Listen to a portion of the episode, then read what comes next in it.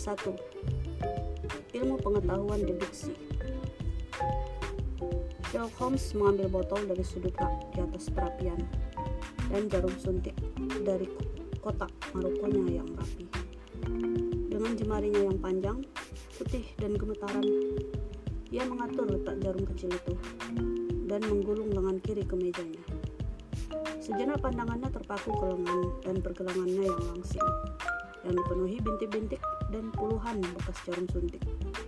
Akhirnya ia menusukkan jarum suntiknya, menekan pendorong kecilnya, dan merebahkan diri di kursi beludru berlengan sambil mendesah panjang, penuh kepuasan. Tiga kali sehari selama berbulan-bulan, aku menyaksikan kegiatannya ini. Tapi aku tak bisa menerimanya. Sebaliknya, dari hari ke hari aku semakin jengkel melihatnya. Dan hati nuraniku berteriak-teriak menuntutku karena tidak memiliki keberanian untuk memprotes. Berulang-ulang aku bersumpah untuk mengutarakannya, tapi ketenangan dan ketidakacuhan sikap temanku membuat orang enggan memperdebatkan apa pun dengannya. Kekuatannya yang hebat, sikapnya yang tegas, dan pengalaman yang kudapat mengenai sifat-sifatnya yang luar biasa. Semuanya menyebabkan aku kehilangan keberanian untuk menentangnya. Sekalipun begitu, suatu siang, entah karena pengaruh bir yang kuminum bersama makan siangku atau kejengkelan tambahan akibat melihat sikapnya. Aku tiba-tiba tak bisa menahan diri lagi. Hari ini apa? Tanyaku. Morfin atau kokain? Holmes mengangkat kepala dengan malas dari buku tua yang telah dibukanya. Kokain, katanya. Campuran 7%. Kau mau mencoba? Tidak, kataku agak kasar. Sarafku masih belum berhasil mengatasi pengalaman di Afghanistan. Aku tak bisa menambahkan beban lagi. Ia tersenyum melihat kekeras kepalaanku. Mungkin kau benar, Watson, katanya. Kurasa pengaruhnya secara fisik memang buruk. Tapi, kokain ini begitu merangsang dan menjernihkan otak, sehingga akibat sekundernya tidak jadi masalah. Tapi coba pertimbangkan, kataku dengan berapi-api. Perhitungkan kerugiannya. Otakmu mungkin, seperti katamu, jadi terpicu dan penuh semangat tapi prosesnya melibatkan peningkatan perubahan jaringan dan akhirnya menyebabkan kelemahan permanen. Kau juga tahu apa reaksi buruk kokain itu terhadap dirimu. Jelas keuntungannya tidak sebanding dengan kerugiannya. Kenapa kau, sekedar untuk bersenang-senang, mengambil risiko kehilangan kekuatan besar yang kau miliki? Ingat, aku bicara bukan hanya sebagai rekan, tapi sebagai dokter bagi orang yang sampai batas tertentu menjadi tanggung jawabnya. Holmes tidak tampak tersinggung. Sebaliknya, ia justru menempelkan ujung-ujung jemarinya satu sama lain dan menyandarkan sikunya ke lengan kursi, seperti orang yang tengah bersiap-siap mengikuti percakapan. Otakku, katanya, tidak puas dengan berdiam diri. Beri aku masalah, beri aku pekerjaan, beri aku sandi yang paling rumit, atau analisis yang paling berbelit-belit, dan aku akan kembali menjadi diriku yang semula. Aku tidak perlu lagi menggunakan perangsang buatan ini, tapi aku membenci kerutinan yang membosankan. Aku sangat menginginkan pengerahan mental. Itu sebabnya aku memilih profesiku ini. Atau lebih tepat menciptakannya karena aku satu-satunya di dunia. Satu-satunya detektif tidak resmi kataku sambil mengangkat alis. Satu-satunya detektif konsultan tidak resmi jawabnya. Aku adalah sidang terakhir dan tertinggi dalam hal deteksi. Bila mana Gregson atau Lestrade atau Lieutenant Jones tak mampu memecahkannya dan biasanya memang demikian masalahnya pun diberitahukan kepadaku Periksa datanya sebagai seorang pakar dan kusampaikan pendapatku sebagai seorang spesialis. Aku tidak minta penghargaan dalam kasus-kasus seperti itu. Nama aku tidak ada di koran mana pun. Pekerjaan itu sendiri, kesenangan untuk menemukan pelampiasan bagi kelebihanku yang aneh, adalah penghargaan tertinggi yang kuterima. Tapi kau tahu sendiri, sudah mendapat pengalaman dengan metode kerjaku dalam kasus Jefferson Hope. Ya, memang, kata Kuriang. Aku belum pernah begitu terpukau seumur hidupku. Aku bahkan mengabadikannya dalam sebuah tulisan kecil dengan judul yang agak fantastis, Study in Scarlet. Holmes menggeleng sedih.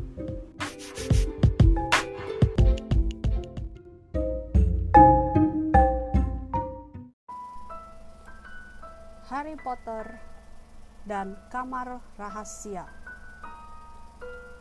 Bab 1 Ulang tahun paling buruk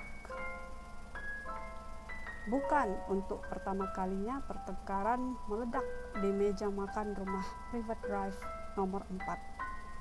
Sebelumnya, Mr. Vernon Dursley telah terbangun pagi-pagi buta oleh bunyi uhu uhu keras dari kamar keponakannya, Harry.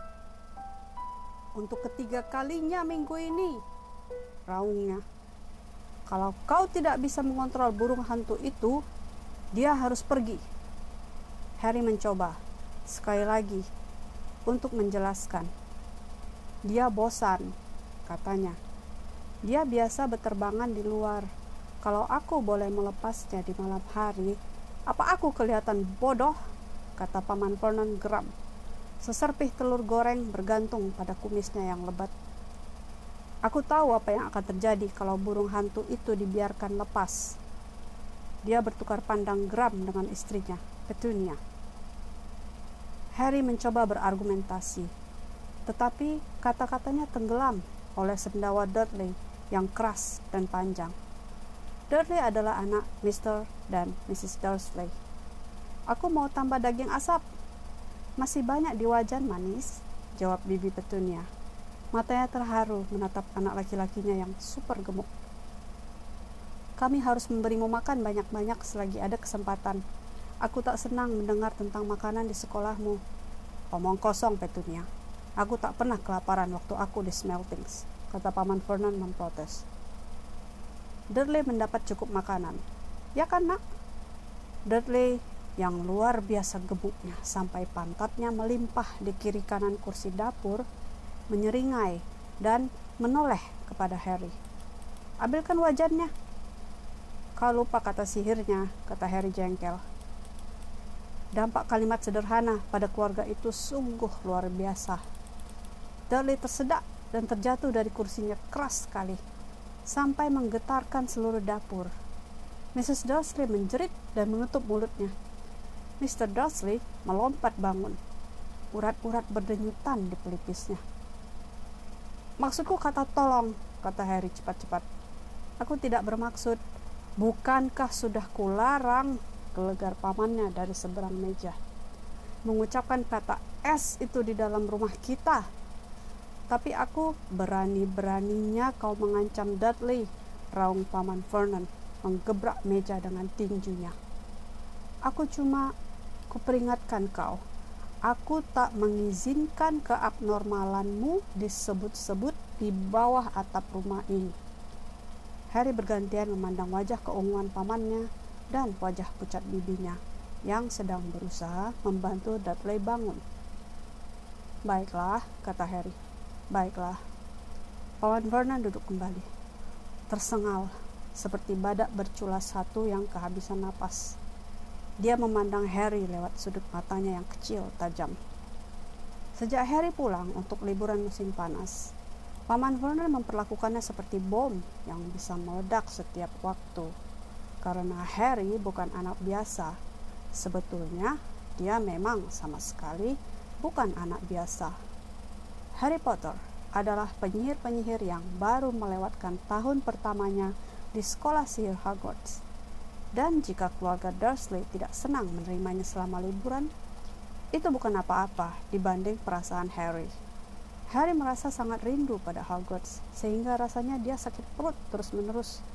Dia merindukan kastilnya dengan lorong-lorong rahasia dan hantu-hantunya, pelajaran-pelajarannya, walaupun mungkin tidak merindukan Snape, guru pelajaran ramuannya. Surat-surat yang dibawa oleh burung-burung hantu makan bersama di aula besar, tidur di tempat tidurnya di menara asrama, mengunjungi si pengawas binatang liar, Hagrid, di pondoknya di dekat hutan terlarang, dan terutama Quidditch, olahraga paling populer di dunia sihir. Enam tiang gawang tinggi, empat bola terbang, dan 14 pemain di atas sapu terbang. Semua buku pelajaran Harry Tongkat, jubah, kuali, dan sapu top Nimbus 2000-nya dikunci di dalam lemari di bawah tangga oleh Paman Vernon begitu Harry tiba di rumah. Apa pedulinya keluarga Dursley kalau Harry kehilangan tempat di tim Quidditch asramanya karena dia tidak berlatih selama musim panas? Apa urusannya bagi keluarga Dursley jika Harry kembali ke sekolah tanpa mengerjakan PR-PR-nya? Keluarga Dursley termasuk yang oleh para penyihir disebut Muggle atau tak memiliki setetes pun darah penyihir di nadi mereka. Dan bagi mereka, memiliki penyihir dalam keluarga adalah aib yang sangat memalukan. Paman Vernon bahkan telah menggembok burung hantu Harry, Hedwig, di dalam sangkarnya untuk mencegahnya membawa surat-surat kepada siapa pun di dunia sihir. Tampilan Harry sama sekali lain dari keluarganya. Paman Vernon gemuk dan tanpa leher, dengan kumis hitam besar. Bibi Petunia kurus berwajah kuda. Dudley berambut pirang, kulitnya agak merah jambu, jadi kesannya seperti babi. Harry sebaliknya, kecil dan kurus, dengan mata hijau cemerlang dan rambut hitam pekat yang selalu berantakan. Dia memakai kacamata bundar dan di dahinya ada bekas luka berbentuk sambarat kilat. Bekas luka inilah yang membuat Harry istimewa. Bahkan sebagai penyihir, bekas luka ini satu-satunya petunjuk akan masa lalu Harry yang misterius. Alasan kenapa dia ditinggalkan di depan pintu rumah keluarga Dursley 11 tahun yang lalu. Pada usia satu tahun, Harry entah bagaimana berhasil selamat dari serangan penyihir hitam jahat terhebat sepanjang zaman, Lord Voldemort, yang namanya pun tak berani disebutkan oleh banyak penyihir. Orang tua Harry tewas dalam serangan Voldemort, tetapi Harry selamat dengan bekas luka sambaran kilatnya dan tak seorang pun tahu kenapa kekuatan Voldemort punah pada saat dia gagal membunuh Harry. Maka Harry dibesarkan oleh kakak almarhum ibunya dan suaminya. Dia melewatkan 10 tahun bersama keluarga Dursley, tak pernah memahami kenapa dia tak putus-putus membuat hal-hal aneh terjadi, walaupun dia tak bermaksud melakukannya. Dia mempercayai cerita keluarga Dursley bahwa Bekas lukanya didapatnya dalam kecelakaan lalu lintas yang menewaskan orang tuanya.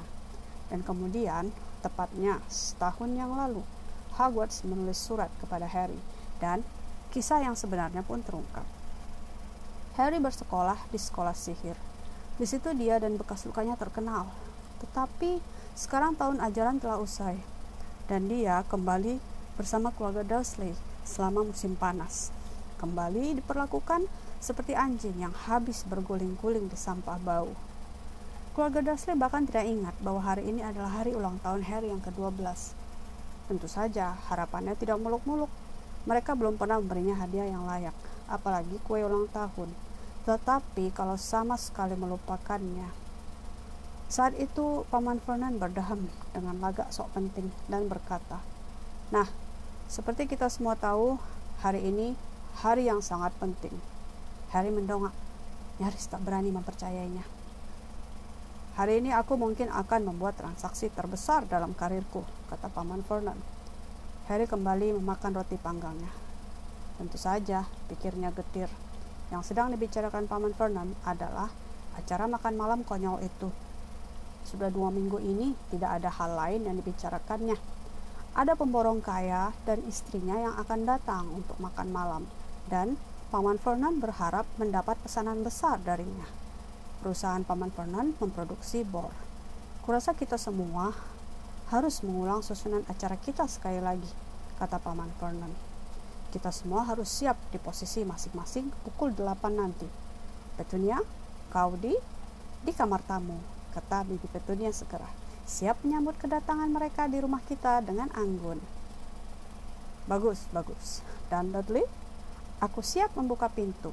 Dudley memasang senyum tolol. Boleh kusimpan mantel Anda, Mr. dan Mrs. Mason? Mereka akan menyukai Dudley, seru bibi Petunia terpesona. Hebat Dudley, kata Paman Vernon. Kemudian dia berpaling kepada Harry. Dan kau?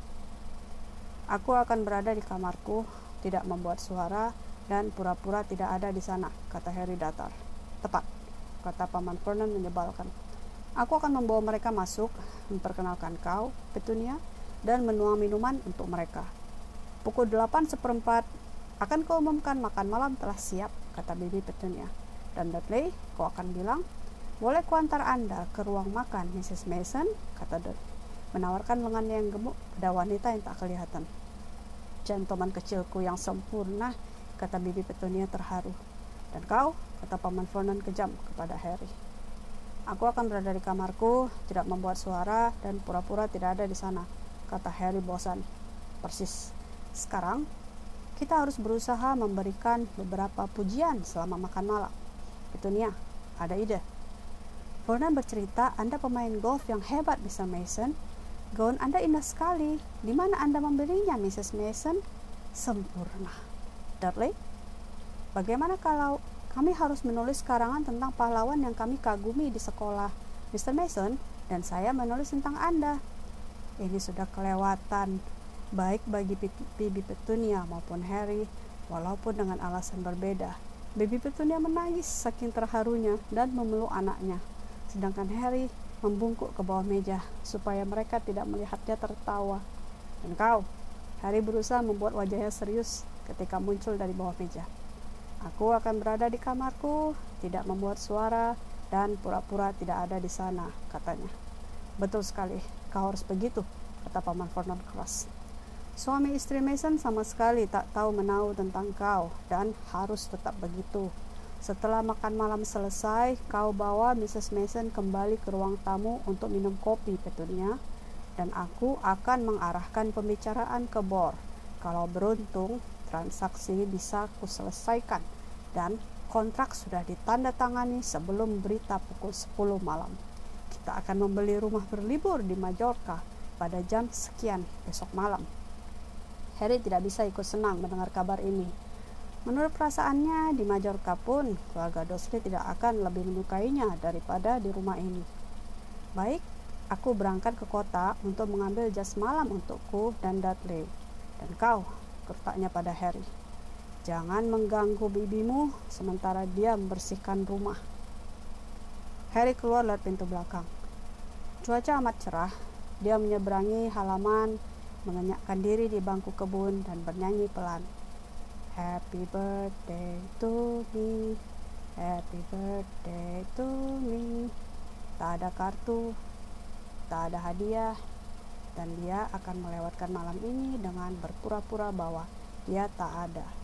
Dia memandang sedih ke pagar tanaman belum pernah dia merasa kesepian seperti itu, lebih dari segalanya di Hogwarts, bahkan lebih daripada bermain Quidditch. Dia merindukan sahabat-sahabatnya, Ron Weasley dan Hermione Granger. Meskipun demikian, mereka rupanya sama sekali tidak merindukannya. Tak seorang pun dari mereka berdua menulis surat kepadanya musim panas ini. Meskipun Ron sudah mengatakan akan meminta Harry datang menginap di rumahnya. Sudah puluhan kali Harry hampir membukakan Hedwig dengan sihir dan mengirimnya kepada Ron dan Hermione dengan membawa surat. Tetapi terlalu besar risikonya. Penyihir yang masih di bawah umur tidak diperkenankan menggunakan sihir di luar sekolah. Harry tidak memberitahukan aturan ini kepada keluarga Dursley. Mereka takut Harry akan mengubah mereka menjadi kumbang pupuk. Dan Harry tahu rasa takut itulah yang mencegah mereka mengunci dirinya di dalam lemari di bawah tangga bersama tongkat dan sapunya.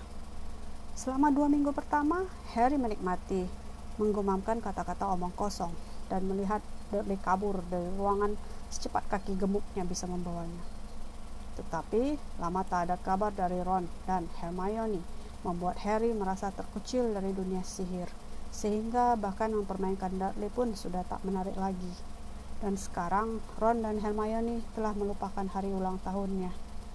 Dia rela memberikan apa pun untuk mendapatkan kabar dari Hogwarts, bahkan kabar dari penyihir mana pun. Dia bahkan akan senang kalau bisa melihat musuh besarnya, Draco Malfoy, sekedar meyakinkan bahwa segalanya bukan hanya mimpi. Bukan berarti dia senang terus sepanjang waktu di Hogwarts. Di penghujung semester terakhir mereka, Harry telah berhadapan dengan tak lain dan tak bukan Lord Voldemort sendiri. Voldemort mungkin sudah bukan apa-apa dibanding ketika berkuasa dulu. Tetapi dia masih tetap mengerikan dan licik. Masih bertekad ingin berkuasa kembali. Harry berhasil lolos dari cengkeraman Voldemort untuk kedua kalinya. Tetapi nyaris saja. Bahkan sekarang, setelah lewat beberapa minggu, Harry masih terbangun di malam hari mandi keringat dingin, bertanya-tanya dalam hati, di mana Voldemort sekarang? Teringat wajahnya yang pucat kelabu, matanya yang liar. Harry mendadak duduk tegak di bangku kebun. Sejak tadi sampai melamun, dia memandang pagar tanaman. dan pagar itu balas memandangnya. Dua mata hijau besar muncul di antara dedaunan. Harry melompat bangun tepat ketika terdengar suara ejekan dari seberang kebun. Aku tahu hari apa hari ini, Dudley menyanyi, berjalan berat ke arahnya. Mata besar itu berkedip lalu lenyap. Apa? Tanya Harry, tanpa melepas pandangan dari tempat mata itu tadi berada. Aku tahu hari apa hari ini, ulang Dudley, tiba di belakang Harry. Bagus sekali, kata Harry. Jadi akhirnya kau hafal nama-nama Harry. Hari ini hari ulang tahunmu, cemooh Dudley. Kenapa kau tidak menerima satu kartu pun?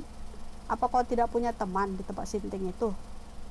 Jangan sampai ibumu dengar kau menyebut-nyebut sekolahku, kata Harry dingin. Dudley menarik celananya yang melorot ke pantatnya yang gemuk. Kenapa kau terus memandang pagar? Tanyanya curiga. Aku sedang mencoba memutuskan mantra apa yang paling baik untuk membakarnya, kata Harry. Dudley langsung terhuyung mundur. Wajahnya yang gemuk kelihatan panik. Tidak boleh. Dad bilang kau tidak boleh menyihir. Dia bilang dia akan mengusirmu dan kau tak punya tempat lain. Kau tak punya teman yang bisa menerimamu. Jiggery pokery, kata Harry tegas. Hokus pokus, squiggly wiggly, mom! Raung Dudley yang tersandung kakinya sendiri dalam ketergesaannya berlari kembali ke rumah. Mom, dia melakukan yang tak boleh itu. Harry harus membayar mahal untuk kesenangan sesaat itu. Karena bayi Dudley maupun pagarnya sama sekali tak bercacat. Bibi Petunia tahu dia tidak betul-betul menyihir tapi Harry tetap harus menunduk menghindar ketika Bibi Petunia mengayunkan wajan bersabun ke kepalanya. Kemudian Bibi Petunia menyuruhnya bekerja.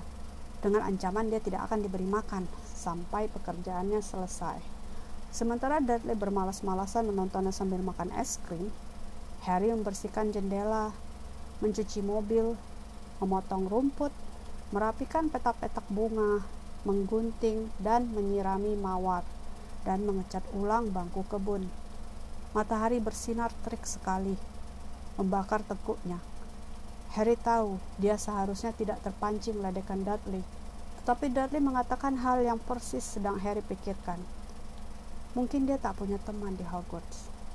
Sayang sekali mereka tak bisa melihat Harry Potter sekarang, pikirnya jengkel. Sementara dia menebarkan pupuk kandang di kebun bunga. Punggungnya sakit, keringat bercucuran di wajahnya. Sudah pukul setengah delapan malam ketika akhirnya, kelelahan, dia mendengar bibi Petunia memanggilnya. Masuk dan berjalan di atas koran. Harry masuk dengan senang ke dapur yang mengkilap. Di atas lemari es sudah siap puding untuk malam ini. Dihiasi seonggok krim dan violet berlapis gula. Daging panggang sedang berdesis di dalam oven. Makan cepat, Mr. dan Mrs. Mason sebentar lagi datang, kata Bibi Petunia galak. Seraya menunjuk dua iris roti dan segumpal kecil keju di atas meja dapur. Bibi Petunia sudah memakai gaun malam berwarna merah jambu serem. Harry mencuci tangan dan segera menghabiskan makan malamnya yang mengenaskan.